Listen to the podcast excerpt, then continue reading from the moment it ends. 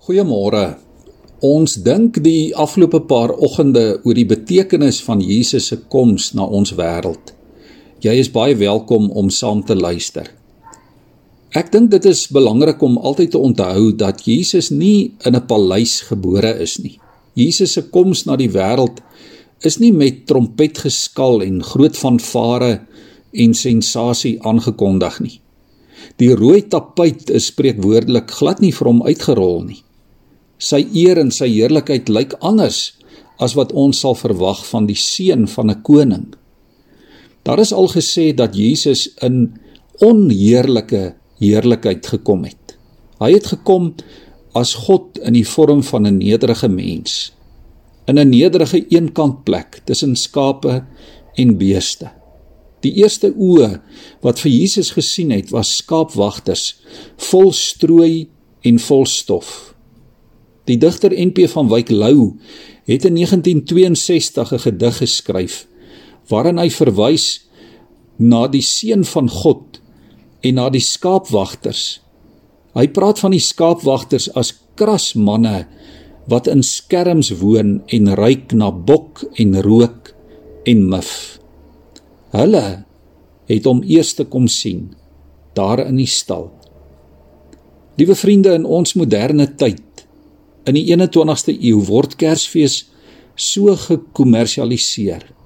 Dit gaan vir die oorgrootste meerderheid mense oor volgepakte winkelrakke.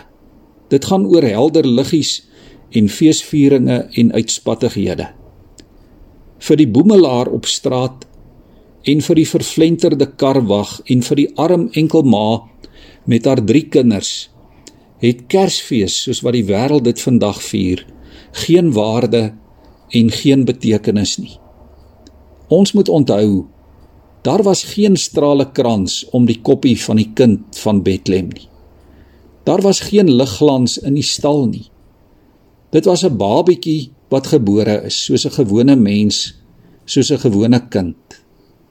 Hoekom moet ons dit onthou? Omdat ons verlosser juis iemand is wat gewone mense soos jy en ek verstaan. Hy weet alles van ons menswees, want hy was self 'n mens. Hy het 'n liggaam gehad soos jy en ek. Hy het ook moeg geword en siek geword. Hy het geëet en gedrink. Soms was hy ontsteld. Hy het ook gebid en getreur en gehuil. Ja Jesus was nederig. Hy het so mens geword juis om jou en my uit die diepte van ons eie menswees te kom uithaal. Onthou dit in hierdie tyd. Niemand verstaan jou beter as hy nie. Niemand ken hierdie wêreld van ons en jou omstandighede beter as hy nie. Ek lees weer vir ons net vers 6 en 7 vanmôre van Lukas 2. Terwyl hulle daar was, het die tyd gekom dat haar kind gebore moes word. Sy het haar eersteling seun in die wêreld gebring en hom in doeke toegedraai en in 'n krib neergelê omdat daar vir hulle geen plek in die herberg was nie. Ons buig ons hoofde so saam in gebed voor die Here. Here, dankie dat U 'n mens geword het vir ons. Here, ons gebed is dat U ons ook sal verlos van te veel strale kranse en uitspattighede. Here maak ons nederig genoeg om die kind in die krib te erken vir wie en wat hy regtig is. Ja Here maak ons oë oop om U raak te sien in die werklikhede van elke dag in hierdie lewe waarvan ons deel is.